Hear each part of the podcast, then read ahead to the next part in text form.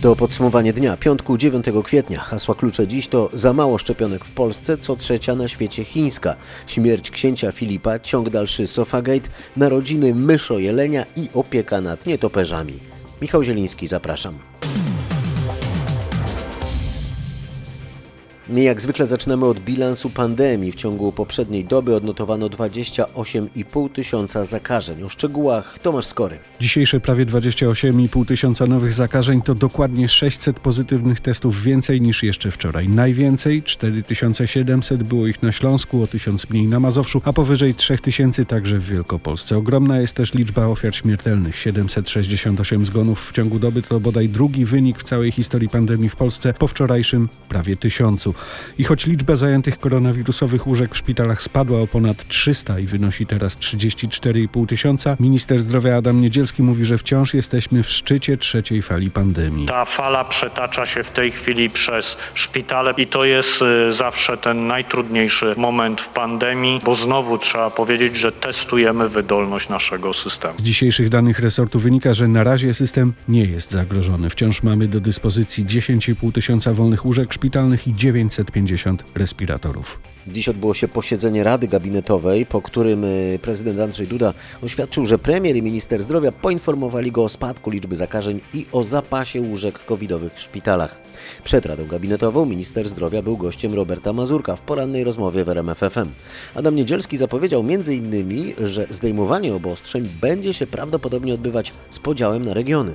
Teraz głównym wyznacznikiem podejmowania decyzji to nawet nie jest poziom zachorowań, tylko sytuacja w szpitalach i dostępność respiratorów, bo to jest główny element, który w tej chwili różnicuje regiony, bo mamy regiony, które sobie same po prostu nie radzą, też trzeba powiedzieć to otwarcie i pomagają im sąsiednie województwa. I, I, w tej sytuacji to jest raczej przesłanka za tym, żeby regionalizować też znoszenie obostrzeń. Zresztą widać, że województwo warmińsko-mazurskie, które było w pierwszej kolejności, tak jak pan powiedział, obejmowane obostrzeniami, teraz ma sytuację no, zdecydowanie najlepszą tak.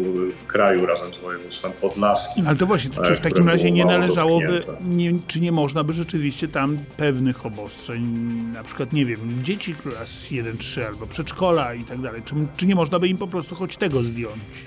Znaczy na tą chwilę absolutnie jeszcze nie, bo ten poziom zakażeń jest cały czas bardzo wysoki. Tam na 100 tysięcy jest powyżej 30 e, średnio dziennie zakażeń, więc to jest bardzo duża cały czas liczba. E, to jest oczywiście stosunkowo najmniej w kraju, ale to jest cały czas duża liczba, więc myślę, że jeśli w przyszłym tygodniu będziemy widzieli, że mamy e, poniżej 30 ten poziom zachorowań, to wtedy będzie przesłanka, żeby tam wykonywać odważniejsze kroki niż, niż wreszcie w pozostałej części kraju. Panie ministrze, to proszę jeszcze powiedzieć, czy pan się nie wycofuje ze słów, że do końca sierpnia wszyscy Polacy, którzy chcą, będą, będą zaszczepieni?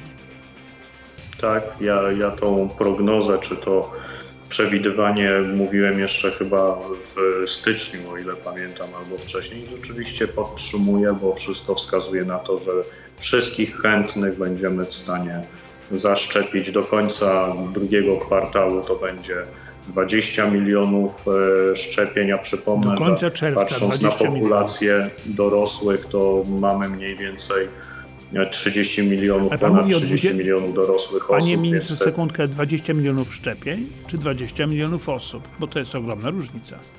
Szczepień, szczepień. No bo niektórzy będą szczepieni milionów. już drugą dawką, więc y, tak jak teraz. Więc rozumiem, że do końca czerwca ile osób mniej więcej będzie zaszczepionych pierwszą bądź drugą dawką? No to trudno powiedzieć, bo, bo w, tej chwili, e, w tej chwili będzie jeszcze ta szczepionka Johnsona, która jest jednodawkowa, więc ona powoduje, że to, tu się gubi ta proporcja 2 do 1.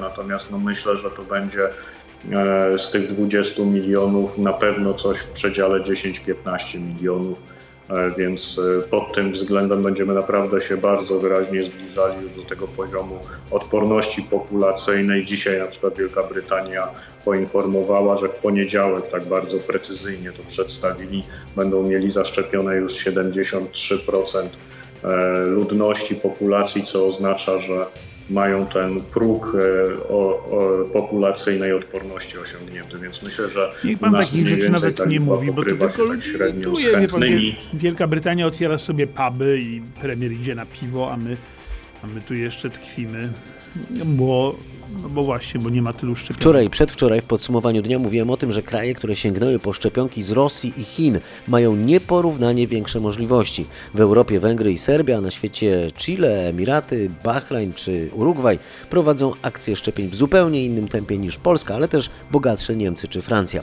Głównym problemem w naszym kraju w programie szczepień jest brak preparatów, a nie zbyt mała liczba punktów, gdzie wykonuje się takie zabiegi, przyznał dziś szef kancelarii premiera Michał Dworczyk jest za mało szczepionek. Dzisiaj system ponad 6,5 tysiąca punktów, które w Polsce funkcjonują, wykonuje poniżej 40% swoich e, możliwości, wykorzystuje poniżej 40% swoich możliwości. Krótko mówiąc, gdybyśmy e, mieli wystarczającą liczbę szczepionek, moglibyśmy przeszło dwukrotnie więcej szczepić w oparciu tylko o te punkty, które dzisiaj e, działają. Miasta szykują się do otwarcia punktów masowych szczepień. Na Dolnym Śląsku to m.in. Wrocław czy Świdnica. Paweł Pyclik o tym, czy chętnych będzie miał tam kto szczepić. O kadrę w punktach na Stadionie Wrocław i wrocławskim lotnisku zadbają przychodnie, które zajmą się tam szczepieniami. Plan zakłada, że ten pierwszy zacznie działać w przyszłym tygodniu. Warunkiem są odpowiednie przepisy dotyczące punktów drive-thru i szczepionki, mówią urzędnicy. Stadion pozwoli na szczepienie nawet 8 tysięcy osób dziennie. Drugi z punktów ma ruszyć za dwa tygodnie i szczepić tysiąc osób każdego dnia. W Świdnicy trwa rekrutacja pracowników i negocjacje z przychodniami. Pomoc zadeklarowali też harcerze. W hali świdnickiego lodowiska szczepionych ma być na początku do 500 osób dziennie. Najprawdopodobniej najprawdopodobniej od 23 kwietnia. Uniwersytet Medyczny we Wrocławiu prowadzi badania nad przeciwciałami koronawirusa. Naukowcy chcą sprawdzić ich poziom u osób, które poddano szczepieniom. Szukają też odpowiedzi na pytanie, jak długo przeciwciała się utrzymają.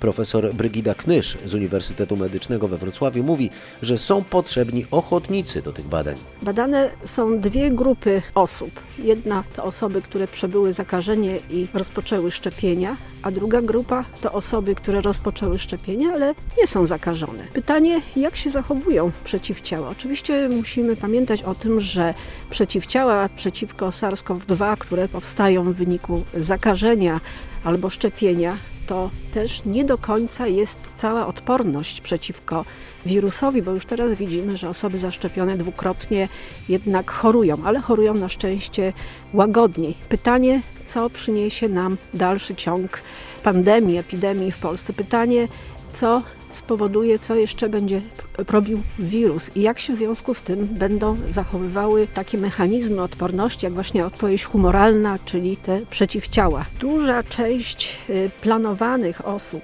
do badań już się y, zgłosiła. Jeśli już to raczej mieszkańcy Wrocławia, tutaj blisko, bo trzeba będzie jeszcze później przyjeżdżać na badania. Chiny, które przed pandemią właściwie nie liczyły się na międzynarodowym rynku szczepionek, stają się ich głównym eksporterem. W czasie, gdy zachodnie koncerny w pośpiechu starają się zaspokoić potrzeby Stanów Zjednoczonych i Europy, Chińczycy, którzy nie mając u siebie pandemii, nie spieszą się z akcją szczepień, weszli ze swoimi produktami do kilkudziesięciu krajów. Części z tych krajów przesłali swoje preparaty jako podarunki ale nic całkiem za darmo. W ramach tzw. Tak szczepionkowej dyplomacji Chiny załatwiają swoje interesy i według prasy w Hongkongu na przykład zażądały od władz Paragwaju, by zerwały stosunki z Tajwanem. Trudno jednak określić, jaka jest skuteczność chińskich preparatów. Różne kraje oceniają to bardzo odmiennie.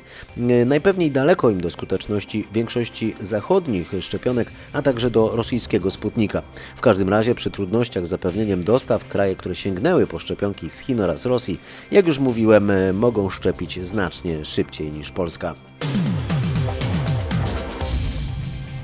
Za chwilę wrócimy do Polski, ale skoro o Chinach mowa, to w Ameryce i w Chinach coraz głośniej sugeruje się, że koronawirus pochodzi z laboratorium. Oczywiście obie strony oskarżają o to stronę przeciwną. Grupa naukowców ze Stanów, Europy, Australii i Japonii wzywa do przeprowadzenia nowego międzynarodowego śledztwa w sprawie pochodzenia koronawirusa. Odezwę napisano pod okiem Jamie'ego Metzla, ten były prezydencki doradca i członek Atlantic Council, który był niedawno gościem mojego podcastu Wielkie Pieniądze, Wielki Świat. Proponuje m.in., by Chińczycy udowodnili, że koronawirus nie wymknął się z ich laboratorium w Wuhanie, ujawniając swój program badań. Chiński MSZ podejmuje kontratak i domaga się od Amerykanów wyjaśnień w sprawie badań biologicznych prowadzonych w rzekomej sieci laboratoriów poza granicami Stanów Zjednoczonych. O ich istnieniu powiedział sekretarz Rosyjskiej Rady Bezpieczeństwa Nikołaj Patruszew. Twierdzi, że Amerykanie zbudowali takie laboratoria w 25 krajach geograficznie bliskich Rosji i Chinom. Według niego tylko na Ukrainie takich laboratoriów ma być jakoby 16. Według Patruszewa można założyć, że prowadzi się tam badania nad bronią biologiczną. Kreml wspomina o tym w czasie rosnącego napięcia między Moskwą i Kijowem i do tego tematu na pewno trzeba będzie wrócić w przyszłym tygodniu. Za dwa miesiące i jeden dzień książę Filip obchodziłby setne urodziny. Mąż królowej Elżbiety i książę Edynburga zmarł w zamku w Windsorze. Ostatnio spędził miesiąc w szpitalu, gdzie leczono go na serce oraz z powodu nieokreślonej bliżej infekcji. Filip Schleswig-Holstein-Sonderburg-Glücksburg urodził się w Grecji. Z późniejszą żoną korespondował od 13 roku życia. Później był jej mężem przez 74 lata. Służył w brytyjskiej marynarce wojennej, był wolnomularzem, pilotem, żeglarzem i malarzem.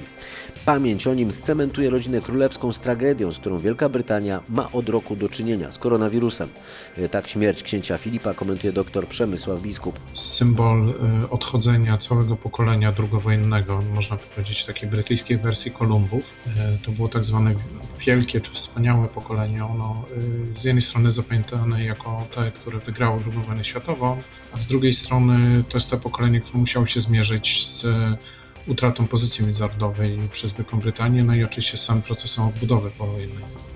Księcia często krytykowano za gafy, które równie dobrze można ocenić jako niezrozumiane poczucie złośliwego humoru. Książę nic sobie nie robił z etykiety i tego, jak jego wybryki były komentowane. Kiedyś odmówił przyjęcia wina od premiera Włoch, żądając piwa mi dajcie. Baracka Obamy, który opowiedział mu o spotkaniu z przywódcami Wielkiej Brytanii, Rosji i Chin, zapytał, umiesz ich odróżnić? Aborygenów pytał, czy wciąż rzucają w siebie włóczniami, a poinformowany na Wyspach Salomona, że przyrost naturalny sięga tam 5% rocznie, wypalił, jesteście nienormalni. Wszystkie gafy księcia, który swoją życiową rolę skwitował kiedyś stwierdzeniem, każdy głupi potrafi wieńce składać, opisuje na rmf24.pl. To podsumowanie dnia, piątku 9 kwietnia. Wracamy do kraju. Łódzka prokuratura postawiła zarzuty dwójce policjantów zatrzymanych w związku ze śmiercią 30-latka. Jego ciało znaleziono w Wielką Sobotę w lesie koło Piątku w Łódzkiem. Sekcja zwłok wykazała, że prawdopodobną przyczyną śmierci mężczyzny były rozległe obrażenia wewnętrzne, które mogły zostać spowodowane działaniem innych osób podaje rzecznik prokuratury Krzysztof Kopania. Do dyspozycji prokuratury zatrzymane zostały dwie osoby, mężczyzna w wieku lat 33 i 35-letnia kobieta. To funkcjonariusze policji, którzy w piątek w godzinach wieczornych przeprowadzali interwencję w mieszkaniu, w którym zamieszkiwał 30-latek z bratem i matką. Zgłoszenie dotyczyło przemocy domowej. Aktualnie trwają szczegółowe ustalenia mające na celu odtworzenie okoliczności, w jakich doszło do powstania obrażeń, które doprowadziły do śmierci 30-latka. Weryfikujemy także, czy zatrzymane osoby mają związek ze zdarzeniem. W dalszej części podsumowania dnia m.in. o wyższych mandatach dla właścicieli psów za agresywne zachowania czworonogów i o Sofagate, czyli o echach skandalu z brakiem fotela dla szefowej Komisji Europejskiej podczas wizyty u tureckiego prezydenta. A teraz 4 minuty dla nauki. Dzięki sieci radioteleskopów LOFAR E, której trzy takie urządzenia znajdują się w Polsce, stworzono najdokładniejszą radiową mapę wszechświata. Obserwacje na falach radiowych pozwalają astronomom spojrzeć na obiekty, których nie można dostrzec przez teleskopy optyczne. Z astronomem dr Leszkiem Błaszkiewiczem z Uniwersytetu Warmińsko-Mazurskiego w Olsztynie rozmawiał o tym nasz reporter Piotr Błakowski. Historia tworzenia map radiowych, ona sięga jeszcze początków radioastronomii.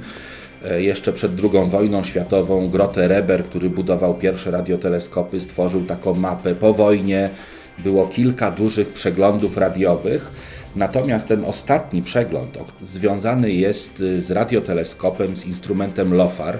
Jest to dla nas szczególnie ważne, bo trzy y, elementy tego instrumentu ulokowane są na terenie Polski.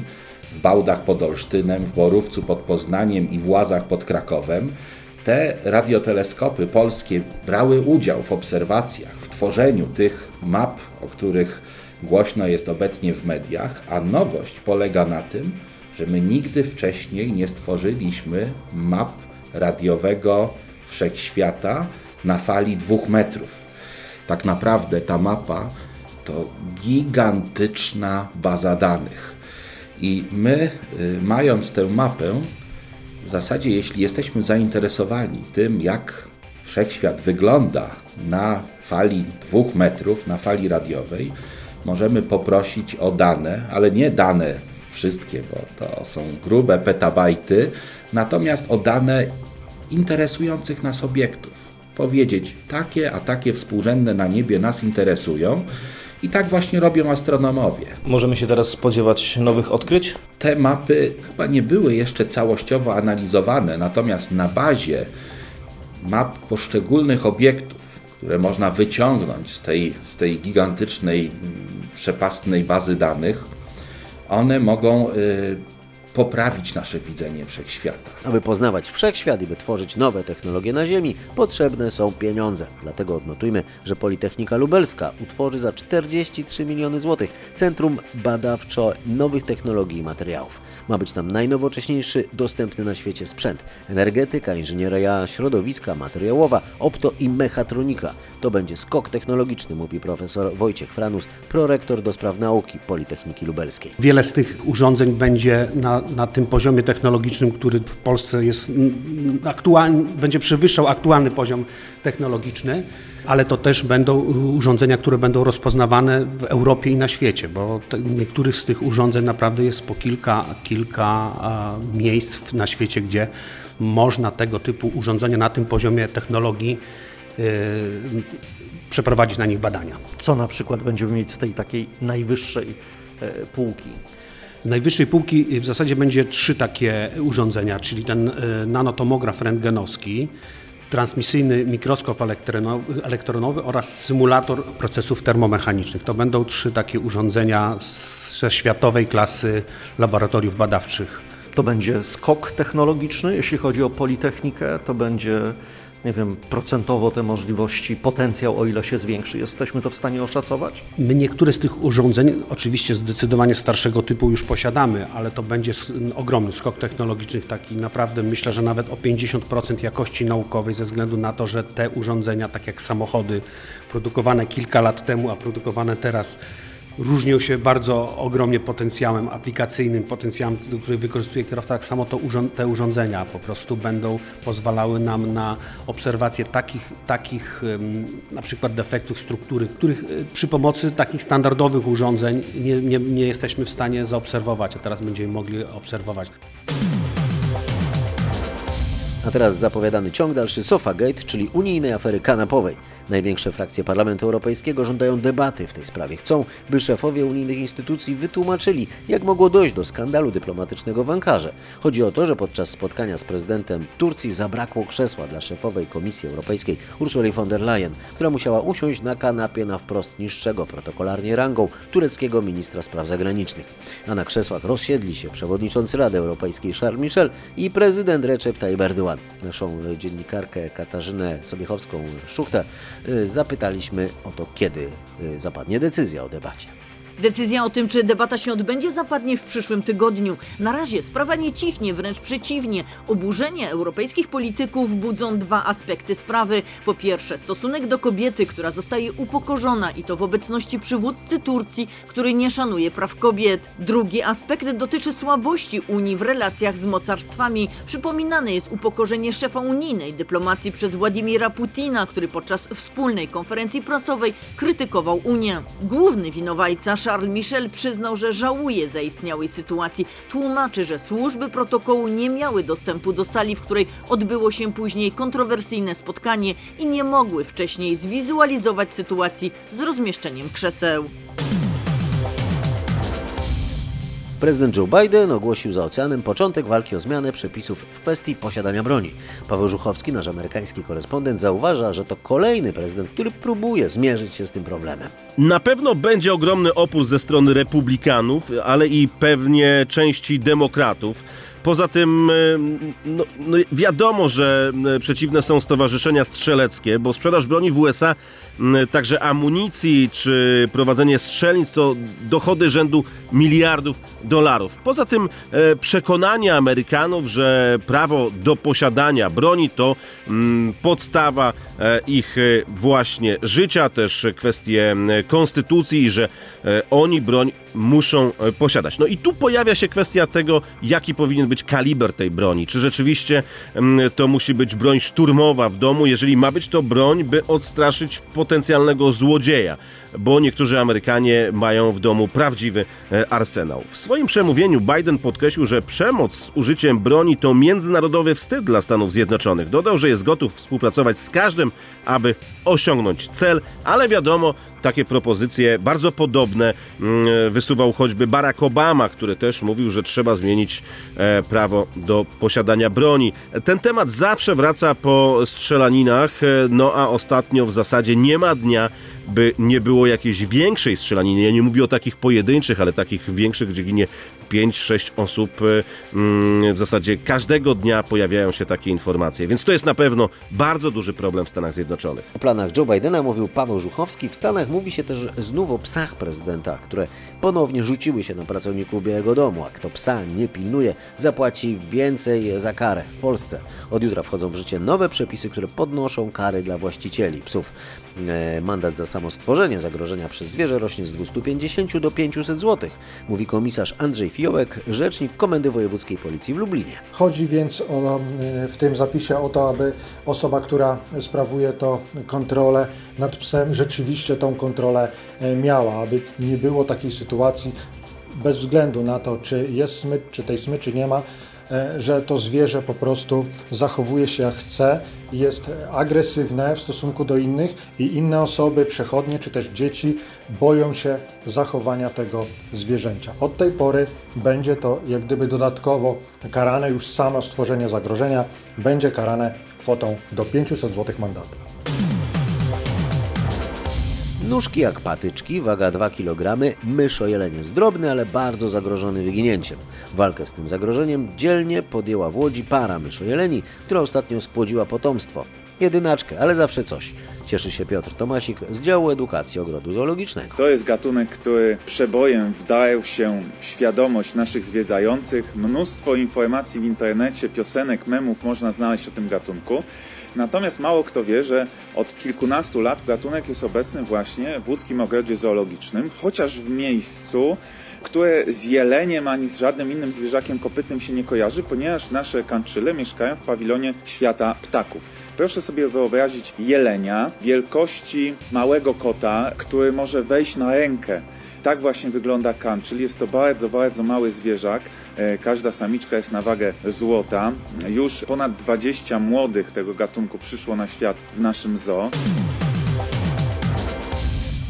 A małżeństwo z Wrocławia pomogło przetrwać tę zimę 150 nietoperzom. Iwona Gottfried i jej mąż Tomasz przygarnęli je pod swój dach, a teraz wypuszczają na wolność. Oboje są chiropterologami, czyli specjalistami zajmującymi się właśnie nietoperzami. Często jest tak, że ludzie znajdują nietoperze leżące gdzieś na chodnikach, albo na przykład takie, które wpadły w pułapki i długo tam siedziały, na przykład w rynny. Takie nietoperze musimy najczęściej odkarmić i dopiero wtedy, kiedy nabiorą siły i pojawią się owady, możemy je z powrotem wypuścić na wolność. Odkarmić nietoperza.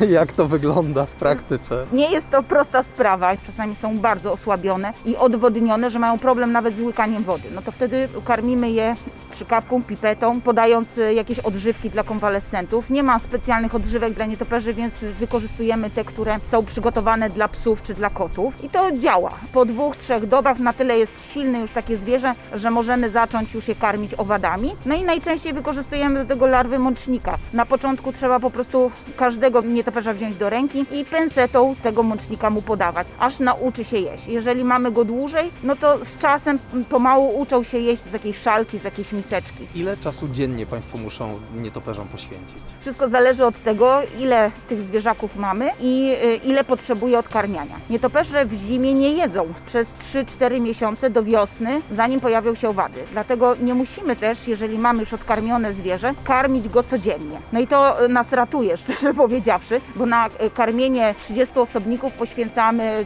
3, czasami 4 godziny, w zależności od tego, w jakim są stanie, dziennie. Ale kiedy już one nabiorą sił, e, to wtedy możemy po prostu zapewnić im odpowiednie warunki do hibernacji i wynieść je czy na balkon, czy do piwnicy, one tam po prostu hibernują. Nie jest to sen, z którym często ludzie mylą hibernację, tylko taki inny stan po prostu organizmu. Wtedy tempo metabolizmu jest bardzo spowolnione.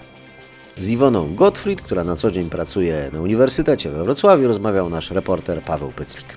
I to już wszystko w dzisiejszym podsumowaniu dnia. Dziękuję za cały tydzień. W przyszłym tygodniu, w poniedziałek, podsumowanie dnia przedstawi Grzegorz Jasiński. Zachęcam do subskrybowania naszego podcastu. Pozdrawiam, miłego weekendu.